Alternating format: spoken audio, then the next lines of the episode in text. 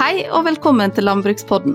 Dette er podkasten for deg som er opptatt av norsk matproduksjon, og som lurer på hva som rører seg i næringa vår. Jeg heter Siv Iren Mo, og når jeg ikke spiller en podkast, så jobber jeg med kommunikasjon i Norges Bondelag. I dag så har jeg tenkt at vi skal snakke om kjøttets tilstand. Og da lurer du kanskje litt på hva det er. Da kan jeg fortelle at det er den årlige statusrapporten om norsk egg- og kjøttproduksjon som lages av Animalia. Og de ser de litt sånn nærmere for f.eks. hvordan det er med tilliten til norsk kjøtt- og eggproduksjon, hvordan forbruket er, og om noe har endra seg under pandemien. Og alt dette, og sikkert eh, også veldig mye mer, skal vi få svar på i løpet av dagens sending. Men det får ikke til alene. Så derfor så har jeg invitert med meg Ola Nafstad fra Animalia. Velkommen, Ole. Takk skal du ha. Kan ikke du si litt kort hvem du er og hva du jobber med? Ja, Ola Nastad. Jeg uh, har vært i Animalia i mange år og jobba med um, ulike faglige områder. Uh, I utgangspunktet er jeg veterinær, men etter hvert så bruker jeg den utdanninga ganske bredt. Ja. Jeg er veldig glad for at du kunne være med her, fordi at jeg tror jeg skulle gjort dette her helt alene, så kunne jeg fort gått litt surr i tallene og ja, ikke funnet helt fram. Så jeg er veldig glad for at du er med. Jeg tenkte at vi kunne liksom starte litt med å, med å få svar på hva, altså, hvordan er kjøttets tilstand? Går det an å svare på? Det er det vel ikke noe kort og enkelt svar på, men denne, dette årets utgave er den 22. Eh, og vi begynte jo da rett etter tusenårsskiftet eh, ut i denne rapporten. Og Ideen bak var jo større åpenhet fra norsk animalsk matproduksjon. Åpenhet om områder som eh, vi allerede den gangen så kom til å bli en del av samfunnsdebatten, som f.eks. dyrevelferd. Eh, kritikk av eh, dyrevelferd i slakterier spesielt, men, men generelt for alt dyrehold. De åra som har gått sida har jo vist at det er akkurat det som har skjedd, og i en langt større grad enn det vi greide å forutse den gangen. Eh, sånn at det å være åpen, det å være tydelig, få fram eh, hva vi gjør, eh, plassere det i et perspektiv i forhold til hva som skjer internasjonalt, og få fram logikken i det å produsere mat gjennom dyr, det er blitt enda viktigere enn det vi eh, så for oss den gangen vi starta opp. Mm. Er verktøy da, når man har tall såpass langt tilbake i tid? Ja, tall har vi jo delvis eh, enda lenger tilbake i tid. og, og Øyeblikksbildet er jo for veldig mye at det er ikke så store forandringer fra i fjor. Men eh, over tid har det jo vært voldsomme forandringer i hvordan vi holder husdyr og produserer mat. Ja, det har det, ja. Kanskje vi sier litt om eh, det dere har funnet som er mest interessant, eller eh, som folk er mest interessert i fra årets rapport, tror du? Fra, det er ganske årvisst eh, hva som vekker mest interesse i omverdenen, og det er gjerne utviklingen i kjøttforbruk, som vi kan snakke om etter hvert. Og det er utviklingen i tilliten til landbruket, matproduksjonen, produktene som kommer ut av det. Ja. Du, det med kjøttforbruk, hvordan er det er kjøttforbruket nå? Ser dere noen endringer fra det siste året? 2020 er jo et unntaksår. 2021 kommer til å være et unntaksår når vi oppsummerer det pga. korona. Eh, hvis en løfter blikket, så har kjøttforbruket vært eh, stabilt til svakt fallende, og da snakker vi om kjøttforbruket per person, per innbygger, gjennom mhm. snart eh, ti år. Eh, det er det for så vidt i 2020 også. Det er det beregna kjøttforbruket, når man tar med grensehandelen, har gått eh, litt ned, både for rødt kjøtt og, og hvitt kjøtt i, i 2020. Men det innenlandske salget salg av norsk kjøtt produsert i Norge, salg av eh, kjøtt importert til Norge pga. Eh, etters, høy etterspørsel, høyere enn en forventa. Det er høyere enn noen gang, og det skyldes jo nettopp at grensehandelen har vært eh, tilnærma null, eller var tilnærma null, i 2020 som følge av eh, pandemien. Ja. Eh, så det er et veldig annerledes år. I tillegg så er jo det å beregne svinn av mat gjennom verdikjeden Det meste av svinnet er jo antar man jo skjer i private hjem, er veldig vanskelig. Og måten Nibio har beregna svinn på, har endra seg lite grann. Har, det, betyr ikke at svinnet nødvendigvis har endra seg, men måten Nibio beregner det på, og hva de antar er den riktigste beregningsmåten, har endra seg litt. Mm. Og det påvirker også hva man uh, hva det beregna kjøttforbruket blir. Da. Ja. Uh, og det, det, er jo beregna i spiselig uh, vare. Ja. Som avviker fra å se som det ofte gjør på angrotallet. For det er jo et annet forhold ved kjøttforbruket. Mm. Det er ikke så enkelt å, å, beregne. Det kommer an på hvor man måler det. Og måler man det på det som heter angroforbruk, altså mange å, å veie hele slakteskrotter før de begynner å bli bearbeida, så er jo det et langt høyere tall enn det beregna forbruket av rent kjøtt. Ja. Eh, og, og, da har man tatt bort de ikke-spiselige delene av slaktet. Mm. Og forveksles de to forholdene, de to målepunktene, så betrakter man kjøttforbruket helt eh, feil og skeivt som utgangspunkt for å, å, forstå det og diskutere det. Ja, Så det er nytt, nytt fra i år, da? At det nytt på årets rapport at det har blitt en endring der? Nei, beregna reelt forbruk. Mm. Det har vi operert med i mange år. Det, ja. det, nye i forhold til beregningsmetodikken, det er at eh, beregningen av eh, matsvinn er justert litt. Og det ja. gjør at forskjellen mellom angro og, og beregna forbruk blir bitte lite grann mindre enn den var. Og sammen med korona så blir jo blir dette litt endringer som man må ha med når man betrakter tallene. Da. Ja, ikke sant. Er det noe endring i eh, type kjøtt, da, hvis man ser over lengre tid, altså over flere år? Hva type kjøtt spiser vi? Ja, Ser vi i de virkelig lange perspektivet, så, så er det jo store endringer. Eh, for å ta det som ikke har endra seg. Vi har spist like mye sau- og lammekjøtt per person i 120 år, eller så lenge vi har eh, telt det.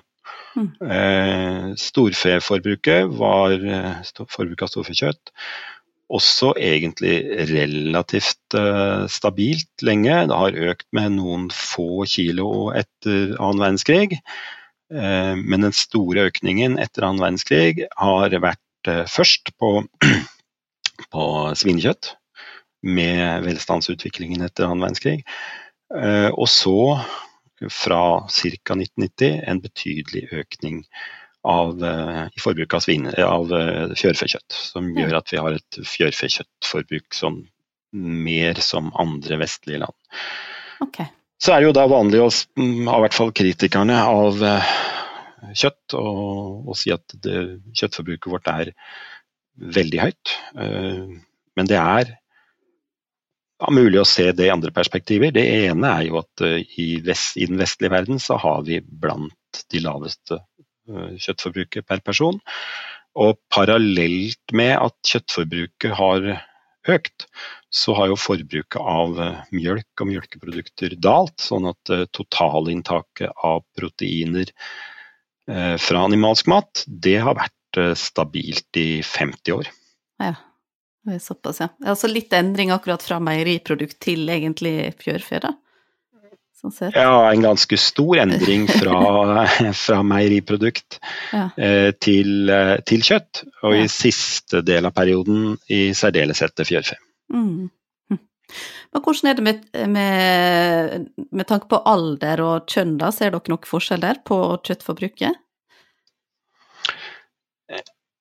Det er det jo helt sikkert, men det legger ikke vi fram uh, tall for i kjøttets tilstand. Det, jo, det å måle kjøttforbruk er jo som sagt veldig komplisert, og det å måle det på ulike uh, grupper i samfunnet, forbrukergrupper, uh, det gjør man jo ikke med salgstall og, og, og beregning av nettoforbruket. Så, så, da må man inn med kostholdsundersøkelser, og det er det veldig lenge siden jeg har gjort. Så man kan jo gjøre antakelser om det, og gjøre spørreundersøkelser om det, men det legger ikke vi fram i kjøttets tilstand. Men vi vet jo at det er, i hvert fall i holdning og også i forbruk, en forskjell mellom kvinner og menn, og, og på alder. Ja. Hva med tilliten, da? Hvordan er tilliten til norsk kjøttproduksjon? Tilliten er stabilt høy. Mm. Eh, men det er noen endringer. Det er noen endringer vi ser eh, i forbindelse med enkelthendelser. Vi husker sikkert mange av oss tilbake fra våren i, i år, og hvor vi hadde en NRK-sak om eh, dyrevelferd hos svin, med aktivister som hadde vært inne og, og filma, og dette ble publisert på Dagsnytt osv. Eh, Slike hendelser slår ut i tilliten. Ikke veldig, men noe.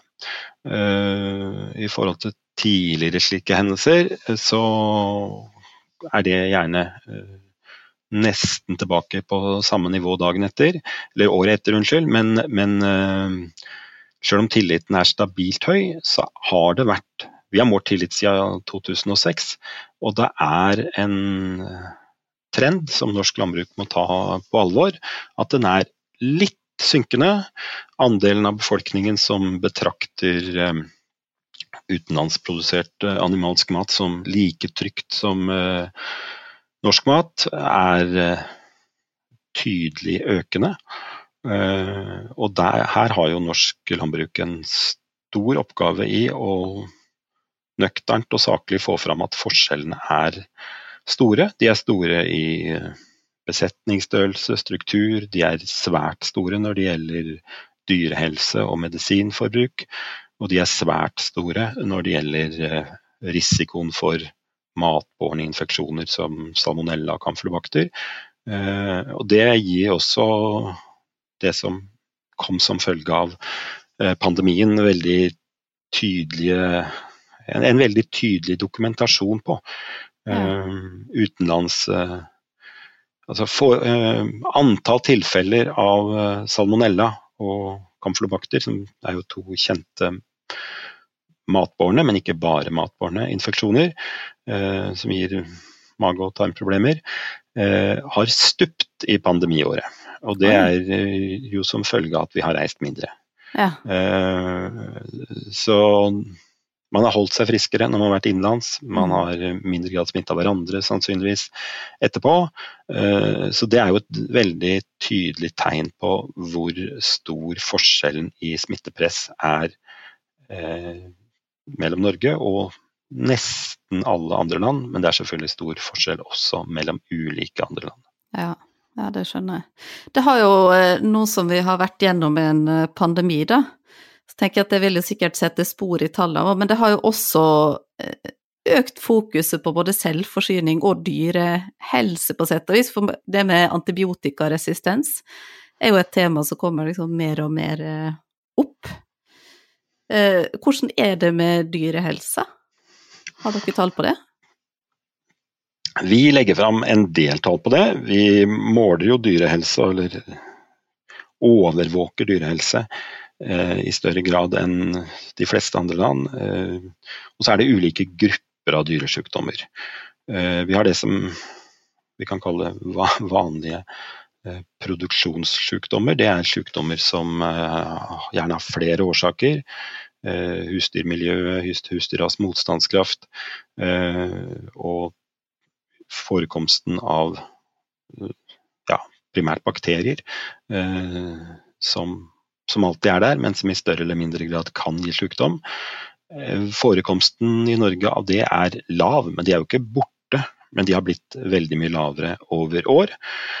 Og så er det de eh, smittsomme dyresykdommene, de som er knytta til spesifikke smittestoffer. Det, kan, det er ofte virus, men ikke bare virus.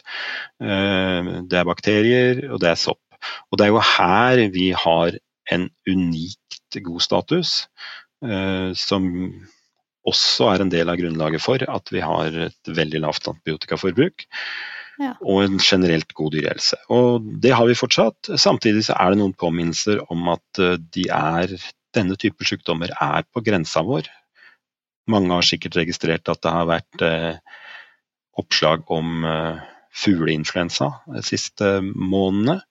Det er jo kommet inn i villfuglfaunaen. Mm. Så vi har hatt smittestoffet innafor grensene våre. Og det er heldigvis foreløpig ikke slått over på tamfugler. Eh, gjør det det, så er det en veldig alvorlig situasjon. Og det er jo kontinuerlig arbeid med høy smittesikkerhet blant alle typer tamfugler. Og det er jo både de eh, næringsmessige, da, de som produserer slaktekylling og verpe, verpehøner og egg, eh, som vi har ganske god kontroll på. Men så er det også den, det store antallet fuglehold, hobbyfuglehold med ja, oftest verpehøner av ulike varianter, det òg, ja. eh, som ikke har samme fokus på smittebeskyttelse. Eh, og, som, og, det er en trussel både for disse hobbyfugleholdene i seg sjøl, men igjen å, smitte over på det næringsmessige eh, fjørfeholdet. Um, og så er det jo så seint som i går oppslag om uh, afrikansk svinepest i Tyskland i store svinehold. Og det er jo også en uh, påminnelse om at uh, en smittsom grisesjukdom som vil få store konsekvenser, og har fått store konsekvenser globalt de siste åra, er mye nærmere oss enn vi har vært vant til. Mm. Ja, for det er, jo, det er jo snakk om en del villsvin langs grensa fra Sverige, så det er vel kanskje derfra man er redd for at det skal komme, i så fall? Villsvin er det man er redd for det skal komme fra, og det er fra villsvin de sikkert har fått det inn i tyske besetninger nå. Ja. Eh, det er jo ikke afrikansk svinepest i svenske villsvin så langt man vet per nå, men uh, villsvin er kombinasjonen av at smittestoffet er nært og den voksne villsvinstamme. I det ligger trusselen. Ja. Eh, jeg tenkte at vi måtte snakke litt om dyrevelferd også, for det er jo et annet tema som veldig mange er opptatt av. Eh, de siste åra har det blitt løfta veldig høyt. Har folk tillit til at bonden behandler dyra godt? Ja, Det er jo blant, blant, de ting vi spør om, og de, de, fleste har det. Men eh, det er jo naturlig at etter en uh, hendelse eller etter et uh, mediefokus uh, som det var i vår, så er det flere som, eh, som, stiller eh, spørsmål. Og det er jo helt legitimt at forbrukere og, og, borgere gjør det på bakgrunn av dette her. Og det er jo landbrukets oppgave både å ha dyrevelferd, ha god dyrevelferd, og en dyrevelferd i samsvar med det samfunnet formelt forventer gjennom lover og forskrifter. Og vi forventer som forbrukere, som kan være noe utover det, både å ha denne velferden og faktisk vise det til, eh, til samfunnet. Mm. Ja, Du var jo litt innom det i stad også, egentlig. Men hvordan, vet vi noe om hvordan dette er i andre land, på selve dyrevelferden? Eh, vi veit jo en del. Vi veit hvordan regelverket for hold av dyr er i andre land. Eh, og der er det litt varierende fra produksjon til produksjon. Eh, sånn at norsk regelverk eh, avviker fra regelverket i andre land. Med noe strengere krav til dyrevelferd på en del områder. Og så veit vi det jo ut fra noen overordna indikatorer, som f.eks. dødelighet i ulike produksjoner. Eh, der, er, vi, har ikke det fra alle land, men fra de land vi har det, så er jo det en indikasjon på at uh, helse og velferd i, i, norsk dyrehold er bra. Og så er det jo sånn at i mange andre, i hvert fall europeiske land, uh, så er det ulike nisjeproduksjoner som kan ha veldig Eh, etter forholdene høye formelle krav til dyrevelferd. Ikke nødvendigvis eh, gode resultater i forhold til dødelighet og sykdom, men høye formelle krav f.eks. til utegang. Eh, og de kan jo i en del tilfeller overstige offentlige krav i Norge. Så jeg skjønner at det er vanskelig for forbrukere å holde oversikt over dette totalbildet. Mm. Det er jo det. Og I forbindelse med dette da, så er det jo også en del snakk om uh, proteiner i kostholdet. Skal man velge animalske proteiner eller vegetabilske proteiner? Har dere noen tall på hvordan utviklinga er på akkurat dette området? Eh, ikke på akkurat det du spør om nå i forhold til hvordan utviklingen er, men, men vi har jo tall på Vi har tall som som prøver å belyse den debatten vi står i.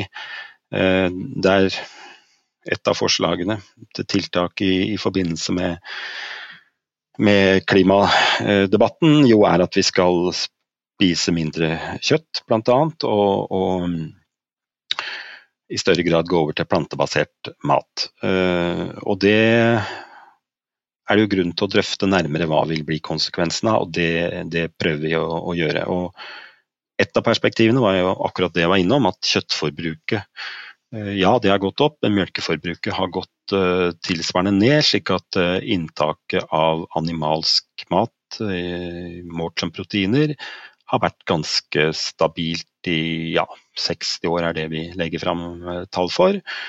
Um, og så er det dette med proteinkvalitet, som vi prøver å belyse litt. Det er jo noen av Proteiner er jo bygd opp av aminosyrer. Noen av dem eh, kan vi lage sjøl. Noen av dem eh, er vi helt avhengig av å ta, i, ta inn som, som, de essensielle aminosyrene. Og noen av disse essensielle aminosyrene igjen er det igjen ganske lave nivåer av. Man skal være litt bevisst for å få i seg tilstrekkelig. Og disse essensielle begrensende aminosyrene, de er det langt mer av i animalsk mat enn i plantebasert mat.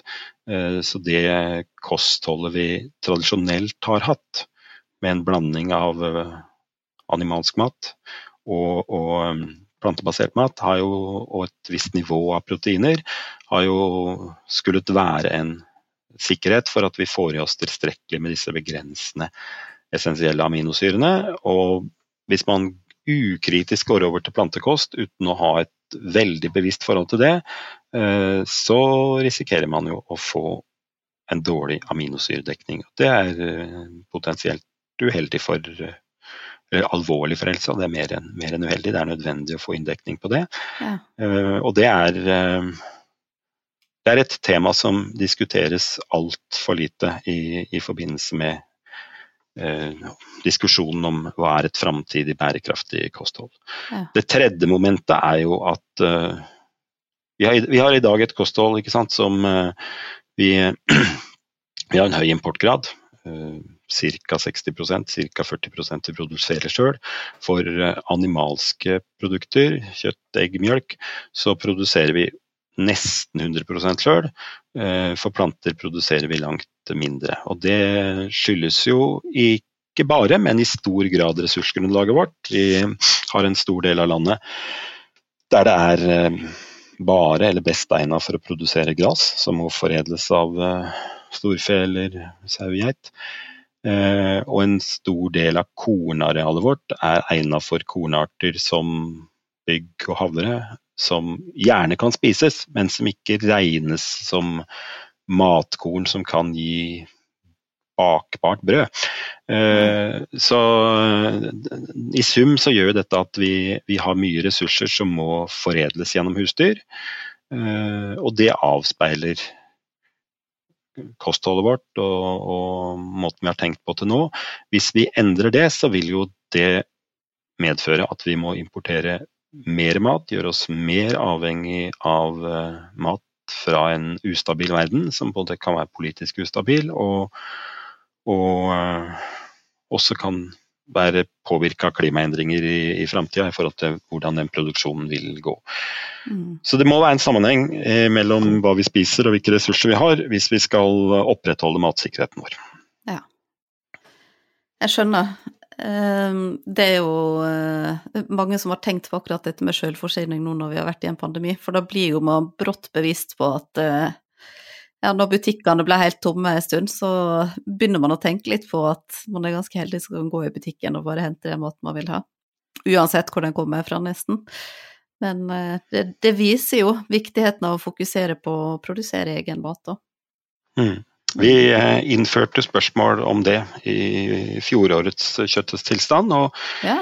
Eh, det er jo uten tvil en, en høy andel av befolkningen som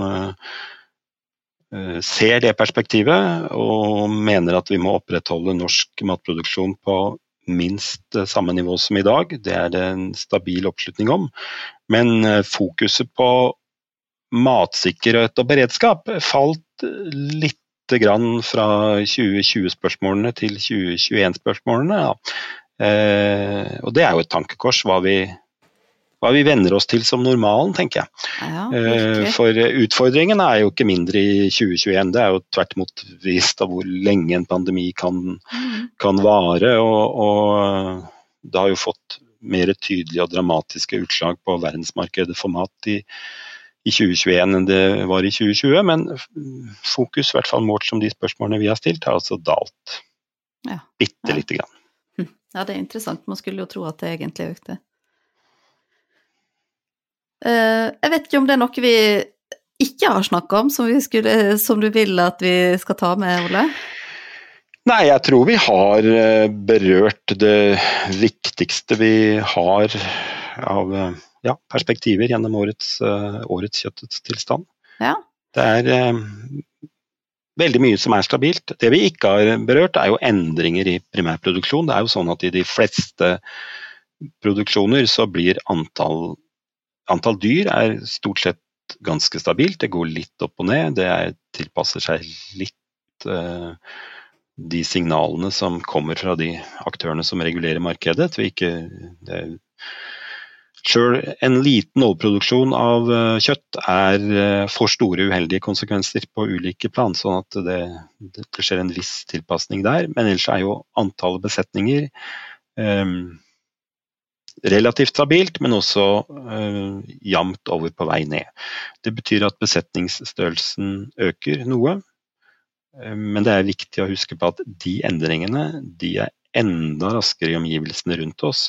Så i et internasjonalt perspektiv så har vi fortsatt uh, små besetninger. Uh, og forskjellene mellom oss og omverdenen de snarere øker enn blir mindre. og det er det mange, altså det at vi har små besetninger, er det mange fordeler med, men det er selvfølgelig også noen utfordringer i forhold til arbeidskostnader ved å drive matproduksjon. Mm. Ja, det er jo litt sånn, vi er, vi er jo avhengig av uh, å følge utforming av landet vårt, og da er det, det er jo litt sånn Det er langt og Ja, det er, jo, det, det er jo sånn at grunnlaget for å bli, bli stor, drive store arealer i Norge, er vesentlig forskjellig fra andre land. Mm. Så det, det legger en, en, begrensning på det. Mm. Da tror jeg egentlig at jeg sier tusen takk til deg, Olav, for at du eh, kunne bli med her i dag og guide oss gjennom dette her. Og så eh, jeg, vet ikke, jeg vet ikke hvordan det er med andre, men jeg syns i hvert fall at det er kjempespennende. Det er mulig jeg er blitt litt miljøskada av å jobbe der, men jeg syns det, det, er veldig interessant å sette seg inn i statistikken for hvordan det går, og følge med på det. Og det kan jo hende at det er flere som er som jeg har lyst til å se nærmere på dette. Hvor kan jeg gjøre det? Har dere en nettside, eller er det et eller annet? Animalia.no, og uh, klikke seg innover der til uh, ja, det er vel publikasjoner, og du finner Kjøttets tilstand. Der finner du også andre publikasjoner vi har. Du kan se på Kjøttets tilstand over uh, mange år tilbake. Og så er det jo Vi presenterer jo på en måte bare toppen av et isfjell i de fleste sammenhenger her. Det ligger mer bak, og da er det jo kilden vi oppgir som som er veldig forskjellig. Noen ganger er det oss eh, sjøl, og andre ganger er det offentlig statistikk eller andre institusjoner innen landbruket som man mm. kan gå videre på hvis man vil gå enda dypere inn i tallet. Ja. Da gjenstår det bare å takke for at dere ville henge med på dagens sending. Jeg gleder meg allerede til neste, og håper at dere vil henge med da også. Mitt navn er Siv Mo, og du har hørt på Landbrukspodden, en podkast fra Norges Bondelag.